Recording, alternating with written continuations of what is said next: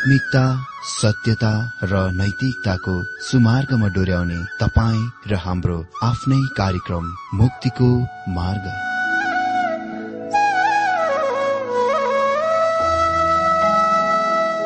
आदरणीय श्रोता यस मुक्तिको मार्ग कार्यक्रममा हार्दिक स्वागत छ।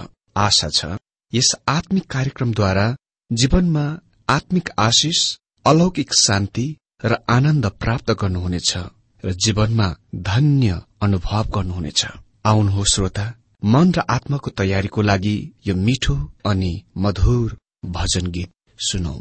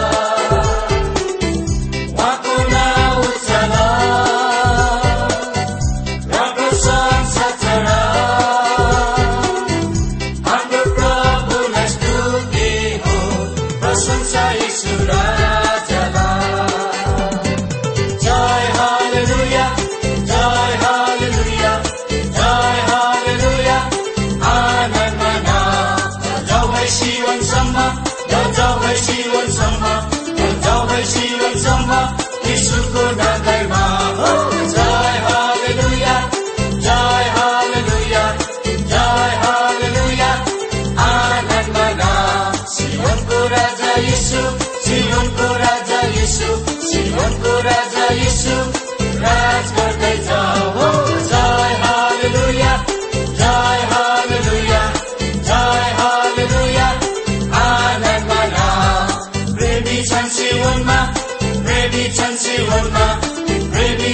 प्रिय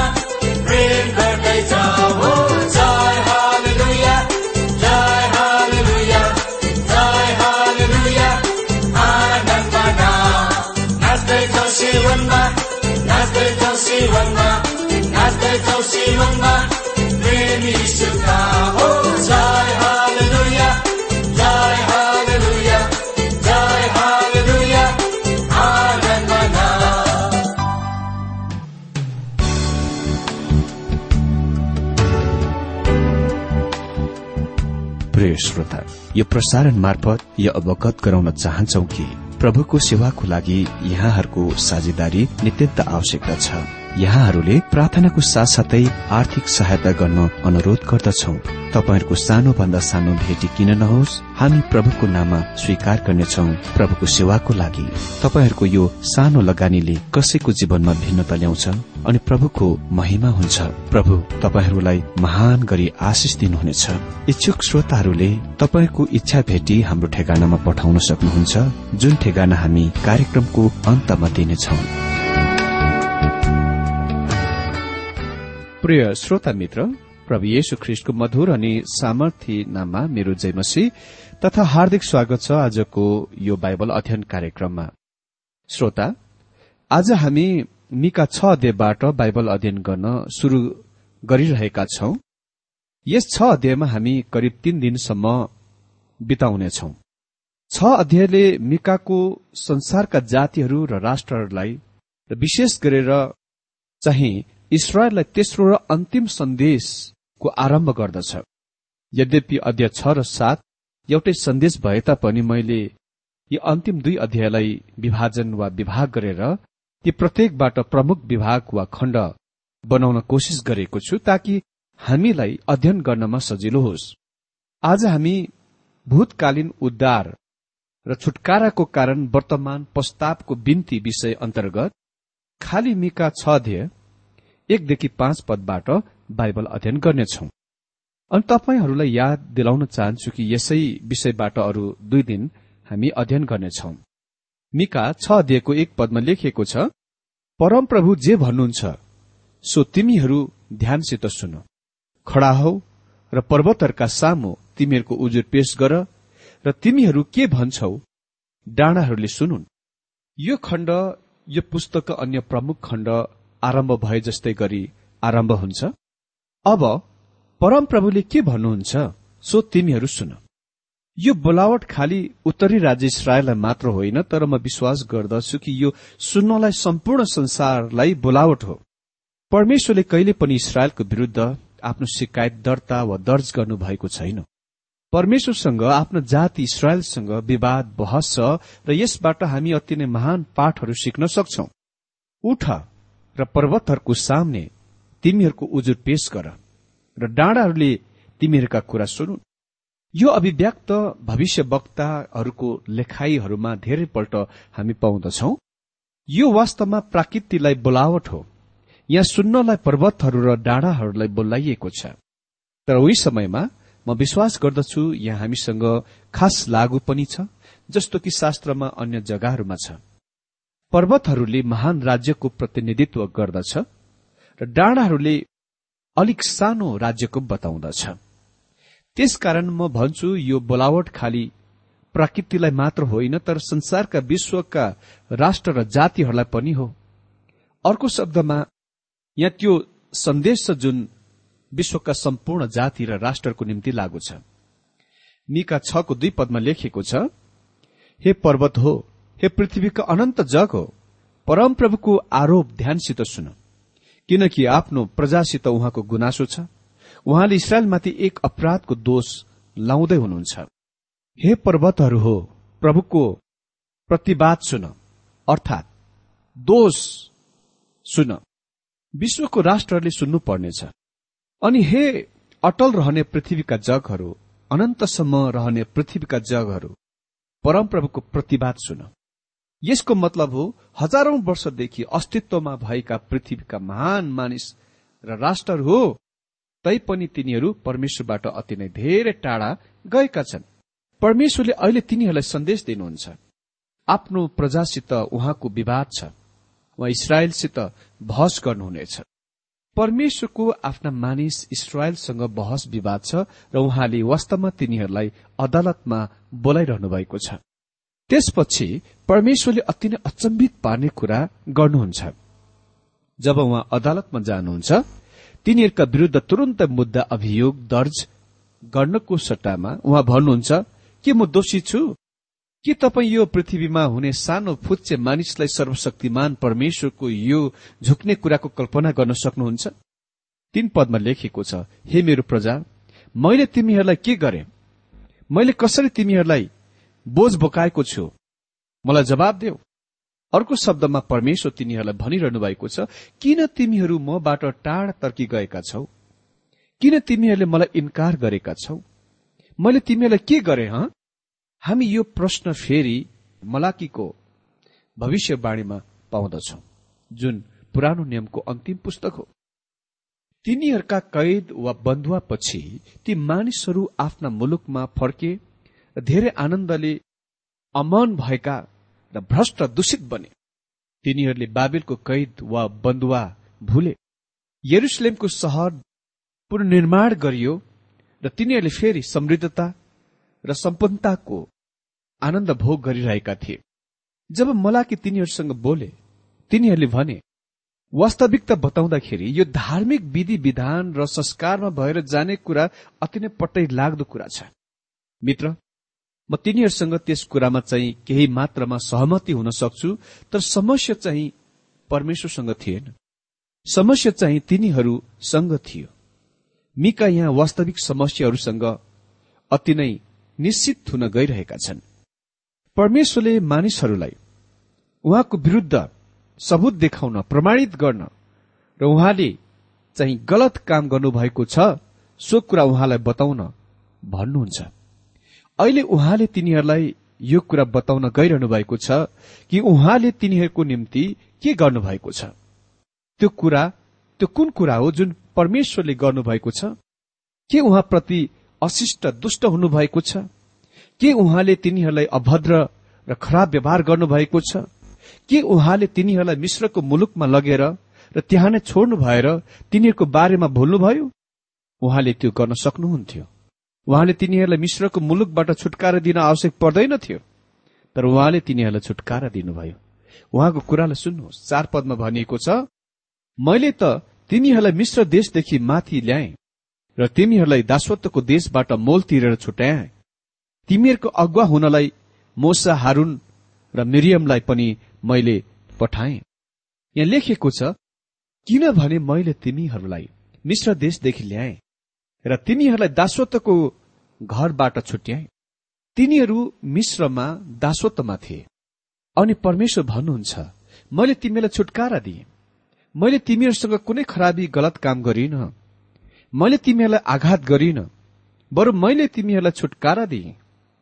तिमीहरू दास थियौ र मिश्रीको देशमा मिश्री मालिकको खटनको जुवा मुनि झुकिरहेका थियौ। र तिमीहरूलाई छुटकारा दिने कोही पनि थिएन। तिमीहरू सुन्दर र आकर्षकका मानिस थिएनौ। तिमीहरू त्यहाँ दास मानिसहरू थियौ। तिमीहरूलाई मानवताको सबभन्दा निच स्तरमा झारिएका थियौ। तर मैले तिमीहरूलाई प्रेम गरे र तिमीहरूलाई दासत्वको घरबाट छुट्याए। तिमीहरूका अगुवा हुनलाई मोसा हारून र मरियमलाई मैले पठाएँ। परमेश्वर भन्नुहुन्छ। त्यस मिश्रको मुलुकबाट तिमीहरूलाई बाहिर निकाली ल्याएर अगुवाई गर्ने यी अगुवाहरूलाई दिए। यो चाखलादो कुरा छ कि मरियमको नाम यहाँ उल्लेख छ। मरियम मिश्रको मुलुकबाट इसरायलीलाई डोर्याउने एक अगुवा थिइन्। तिनी हारूनसँग समानताको बराबरको अगुवा थिइन्। तर तिनी मोसा समान बराबरको अगुवा चाहिँ थिएनन् किनभने मोसालाई परमप्रभुद्वारा चुनिएको थियो। वास्तवमा एकपल्ट मरियमले आफ्नै भाइको विरूद्ध विद्रोहको अगुवाई गर्न चाहिन्। जब इसरायलीहरू उजाड स्थानमा पुगे मोसाले कार्यभार लिए किनभने उसले परमेश्वरको अन्तर्गत अगुवाई गरिरहेका थिए। तर मरियमले भने सबै कुरा मलाई भने त्यो को हो? मलाई याद छ जब त्यो सानो केटा थियो बालक थियो अनि आमा र मैले नील नदीमा लग्यौं र थाङ्ना कपडाले बेरेर त्यसलाई हामीले नदीमा फ्याँक्यौं किनभने उसलाई फारोद्वारा मारिन्दथ्यो म टाढा दूरीमा रहे। मैले उसलाई चियो गरे। मलाई सबै कुरा भन्ने हुकुम दिने। त्यो आफैलाई के सम्झन्छ? अ म अनुमान गर्दछु कि मरियम सबभन्दा पहिले नारी स्वतन्त्र सिद्धान्तको विचार गर्ने मान्ने र त्यसको बारेमा लड्ने स्त्री थिइन्। तर तिनी अगुवा थिइन्। र तिनलाई परमेश्वरद्वारा चुनिएकी थिइन्। म यस्तो विचार मान्ने व्यक्ति हुँ कि तिनीसँग इसरायलको स्त्रीहरूसँग वास्तविक सेविकै थियो। त्यो उजाड स्थानको यात्रामा स्त्रीहरू र बालबच्चाहरूसँग खड़ा भएका समस्याहरू कल्पना गर्न सक्नुहुन्छ। त्यहाँ त्यस्ता समस्याहरू हुने थिए जुनको बारेमा मोसालाई त्यति धेरै थाहा हुने थिएन। त्यसकारण मरियम निश्चय नै मोसाको निम्ति अति नै ठूलो सहायता हुनै पर्छन्। मिकाको दिनमा इसरायलका मानिसहरू शिकायत गरे कि तिनीहरू परमेश्वरलाई आराधना पूजा गर्दा गर्दा अति नै धेरै थकित भए। तिनीहरूले भने हुन त आखिरमा उहाँले हाम्रो लागि के नै पो गर्नुभएको छ र? त्यसकारण परमेश्वर पछाडितिर आउनु भएर तिनीहरूका इतिहासको पूर्ण याद दिलाउनुहुन्छ। परमेश्वर यी मानिसहरूसँग आफ्नो हृदयबाट विन्ती गरिरहनु भएको छ। पाँच पदमा लेखिएको छ हे मेरो प्रजा मुआबको राजा बालकले के सल्लाह गरेको थियो र बौरको छोरा बालमले त्यसलाई के जवाब दियो त्यो स्मरण गर। सिक्किमदेखि गिलगालसम्मको यात्रालाई सम्झ ताकि तिमीहरूले परमप्रभुका धार्मिक कामहरूलाई जान्न सक। मित्र यहाँ परमेश्वर हामीलाई त्यो समयको घटनाको याद दिलाइरहनु भएको छ जब इसरायलीहरू प्रति प्रतिज्ञाको मुलुकमा पस्न तयारीमा थिए। तिनीहरू एदोमको मुलुकको छेउबाट भएर जानुपर्ने थियो। किनभने एदोमले आफ्नो मुलुकबाट भएर जान दिने थिएन। परमेश्वरले तिनीहरूलाई एदोमको छेउबाट डोर्याउनु भयो र त्यसपछि तिनीहरू मुवाबतिर आए। त्यस समयमा मुवाबको राजा चाहिँ बालक थिए। बालकले इसरायलका सन्तानहरूलाई श्राप दिन इच्छा गरे र उसले बालम भविष्य वक्तालाई भाडामा खरिदे जो पैसाको प्रेम गर्ने लोभ गर्नेवाला व्यक्ति थिए। बालम भाडाको प्रचारक थिए तैपनि उनी त्यो भविष्य वक्ता थिए जससँग परमेश्वरबाट जानकारी भएको वा पाउने जस्तो देखिन्दथे परमेश्वर निश्चय नै उनीद्वारा बोल्नुभयो तर परमेश्वरले अन्तिममा उसलाई दण्ड दिनुभयो। बालमलाई इसरायलीहरूलाई श्राप दिन बालकद्वारा बोलाइयो। भनिएको छ पाँच पदमा हे मेरो प्रजा मुआबको राजा बालकले के सल्लाह गरेको थियो र बौरको छोरा बालामले त्यसलाई के जवाब दियो त्यो याद गर। सिक्किमदेखि गिलगालसम्मकै यात्रालाई सम्झ ताकि तिनीहरूले परमप्रभुका धार्मिक कामहरूलाई जान्न सक। सिक्किम चाहिँ तिनीहरूको विरूद्ध बालामले आफ्नो सेविकै शुरू गरेपछि तिनीहरू मुवाबमा प्रवेश गर्नभन्दा पहिले अन्तिम शिविर हाल्ने वा पाल टाग्ने स्थान थियो। गिलगाल पहिलो स्थान थियो। तिनीहरूले शिविर राखे जब तिनीहरू प्रतिज्ञाको मुलुकमा प्रवेश गर्दथे। अमित्र ती प्रत्येक भविष्यवाणीहरूको उल्लेख म गर्दिन जुन बालमले दिएथे तर खालि यो मात्र भन्नेछु जतिपल्ट उसले इसरायलीहरूलाई श्राप गर्न कोसिस गरे उसले श्राप दिन सकेन। परमेश्वरले उसलाई इसरायलीहरूलाई श्राप दिन अनुमति दिनु भएन बालकले बालमलाई माथि डाँडा डाँडामा लग्यो। र जब उसले इसरायलको शिविर वा पाल टाँगेकोतिर हेरे बालमले भने गन्ती तेइसको आठ पदमा परमेश्वरले नै नसराप्नु भएकोलाई मैले कसरी सराप्नु? मित्र परमेश्वरले तिनीहरूलाई कुनै खराबी गरिरहनु भएको थिएन। परमेश्वर तिनीहरूको पक्षमा हुनुहुन्थ्यो। अहिले यदि तपाईँ त्यस शिविर वा पाल तम्बु टाँगेको ठाउँमा जानु भए तपाईँले यो कुरा पत्ता लगाउनु हुने थियो कि तिनीहरू सिद्ध थिएनन्। परमेश्वर तिनीहरूसँग र तिनीहरूका पापसँग त्यहाँ नै व्यवहार गरिरहनु भएको थियो। तर बाहिरका कुनै पनि शत्रुहरूले तिनीहरूसँग दोष पत्ता लगाउन गइरहेका थिएनन्। इसरायलका सन्तानहरूलाई थाहा थिएन कि त्यहाँ एक शत्रु छ जसले तिनीहरूलाई श्राप्न कोसिस गरिरहेको छ र परमेश्वरले चाहिँ तिनीहरूलाई सुरक्षा र बचाउ गरिरहनु भएको छ। अरू त के? वृद्ध बालमले यो भन्नु परेको थियो। परमेश्वरले नै नसराप्नु भएकालाई मैले कसरी सराप्नु म त्यो गर्न सक्दिन। परमेश्वरले तिनीहरूमाथि श्राप दिन अनुमति दिनु भएन आज परमेश्वरको सन्तानहरूको निम्ति अद्भुत कुरा यो छ कि हामीलाई यो भनिएको छ हाम्रो पितासँग एक वकिल मध्यस्थ हुनुहुन्छ जो धर्मी येशु ख्रिष्ट हुनुहुन्छ। पहिलो युवाना दुईको एक पद अनुसार अनि परमेश्वरले आफ्नो सन्तानहरूसँग व्यक्तिगत रूपमा व्यवहार गर्नुहुन्छ। म जान्दछु उहाँले मसँग व्यवहार गर्नुभएको छ। र अति नै कठोरपूर्वक व्यवहार गर्नुभएको छ। एकजना परमेश्वरको सेवकले आफ्नै अनुभवबाट भनेथे मलाई विश्वास छ मैले पाएको क्यान्सर चाहिँ म माथि परमेश्वरको दण्ड थियो। मैले उहाँबाट त्यसलाई त्यस तरिकामा नै स्वीकार गरे। र मेरो चंगाईको लागि प्रार्थनाहरूको सुन्नु भएकोमा म उहाँलाई धन्यवाद दिन्छु। तर म यसमा पनि अति नै धेरै धन्यवादी छु कि मसँग वकिल मध्यस्थ हुनुहुन्छ जो धर्मी येशु ख्रिस्ट हुनुहुन्छ जसले मलाई रक्षा गर्नुहुन्छ बचाउ गर्नुहुन्छ। उहाँले भन्नुहुन्छ कि म उहाँको सन्तान हो र म परमेश्वरको परिवारमा छु। उहाँले बाहिरबाटका कसैलाई पनि मलाई श्राप्न अनुमति दिनुहुन्न। म तपाईँलाई भनौं यसले यस अन्धविश्वासलाई उत्तर दिनुपर्छ कि आज विश्वासीहरूको बीच यस्तो विचार धारणा छ कि परमेश्वरका सन्तानहरू दुष्ट आत्माको नियन्त्रणमा र जकडमा पर्न सक्छन्। म यस कुरामा विश्वास गर्दिन। तर म विश्वास गर्दछु दुष्ट आत्माले शैतानका दूत आत्माहरूले परमेश्वरका सन्तानहरूलाई सताउन सक्छ पीड़ा दिन सक्छ कष्ट दिन सक्छ। त्यसले तपाईँलाई निश्चय नै धोका दिन सक्छ। र तपाईँको लागि जीवन अति नै दयनीय बनाउन सक्छ। तर कुनै पनि दुष्ट आत्माले तपाईँलाई जकड गर्न नियन्त्रण गर्न सक्दैन यदि तपाईँ वास्तवमा परमेश्वरको सन्तान हुनुहुन्छ भने। किनभने तपाईँसँग वकिल र मध्यस्थ हुनुहुन्छ। चाहे तपाईँ जोसुकै हुनुहोस्। यदि तपाईँ परमेश्वरको सन्तान हुनुहुन्छ भने उहाँ तपाईँको पक्षमा हुनुहुन्छ र उहाँले तपाईँलाई बचाउ गरिरहनु भएको छ। जब सम्पूर्ण विश्व नै एकपल्ट उसको विरूद्ध आइपरेको जस्तो देखा पर्यो। मार्टिन लुथरले भने परमेश्वरसँगको एउटै नै बहुमत हो। मेजोरिटी हो। म बहुमतको पक्षमा छु। तपाईँको बारेमा नि के यो महत्वपूर्ण प्रश्न हो। परमेश्वरले यहाँ आफ्ना सन्तानहरूलाई भनिरहनु भएको छ मैले तिमीहरूलाई बचाएँ। मैले तिमीहरूलाई त्यस बेला पनि बचाएँ जब बालमले तिमीहरूलाई श्राप दिन प्रयास गरेथे। बालक बालमसँग कि हैरान भयो किनकि उसले बालकलाई एक एक गरेर इसरायलीहरूलाई श्राप दिन भनी चार विभिन्न डाँडामा लिएर गए र बालमले इसरायलीहरूलाई श्राप दिन सकेन। तर उसले केही भयानक सल्लाह बालकलाई दिए। उसले भने जबकि तिमी तिनीहरूलाई श्राप्न नसकेकोले गर्दा र तिमी तिनीहरूसँग लड्न नसकेकोले गर्दा तिनीहरूसँग मिल जोडियो। यो उही पुरानो कथा हो। यदि तिमी लड्न सक्दैनौ भने मिल। बालमले मुआबको राजालाई भने तल गएर तिनीहरूसँग अन्तर्विवाह गर। अनि बिल्कुल त्यही नै त्यहाँ भयो। अनि त्यसले इसरायलका मानिसहरू बीच मुआबको प्रतिमा पूजाको परिचय गरायो।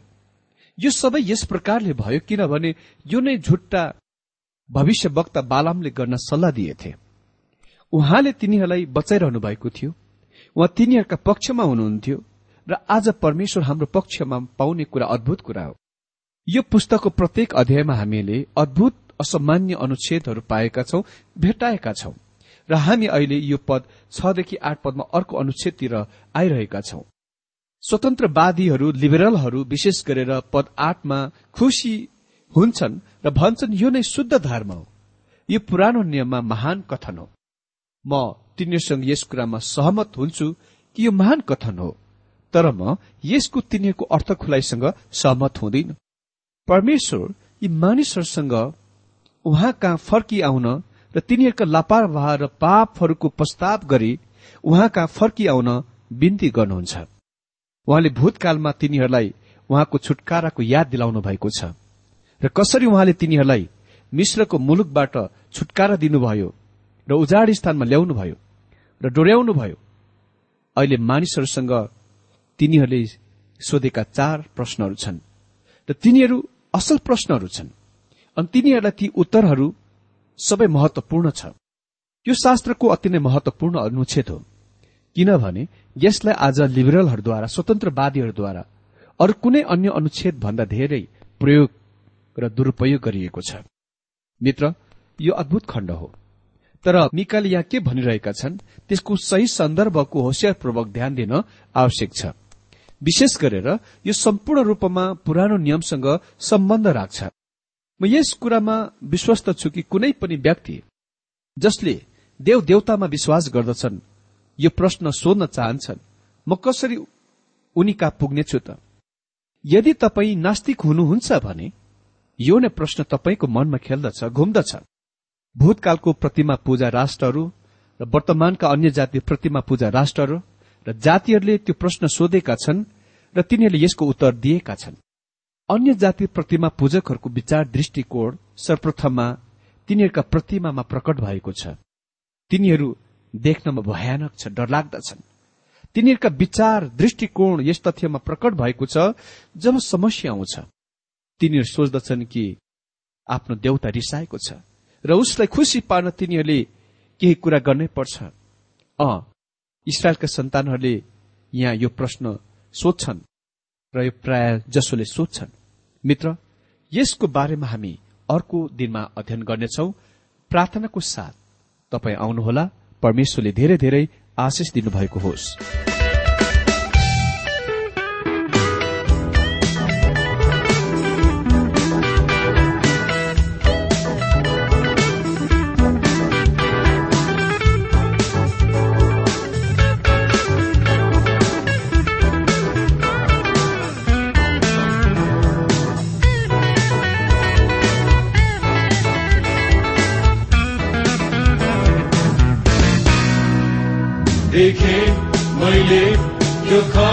खसेको सैतान महिमा प्रभुको महिमा सुनाए देखे मैले त्यो खसेको सैतान महिमा प्रभुको आमेन जब म दायाँतिर हेर्छु सैतान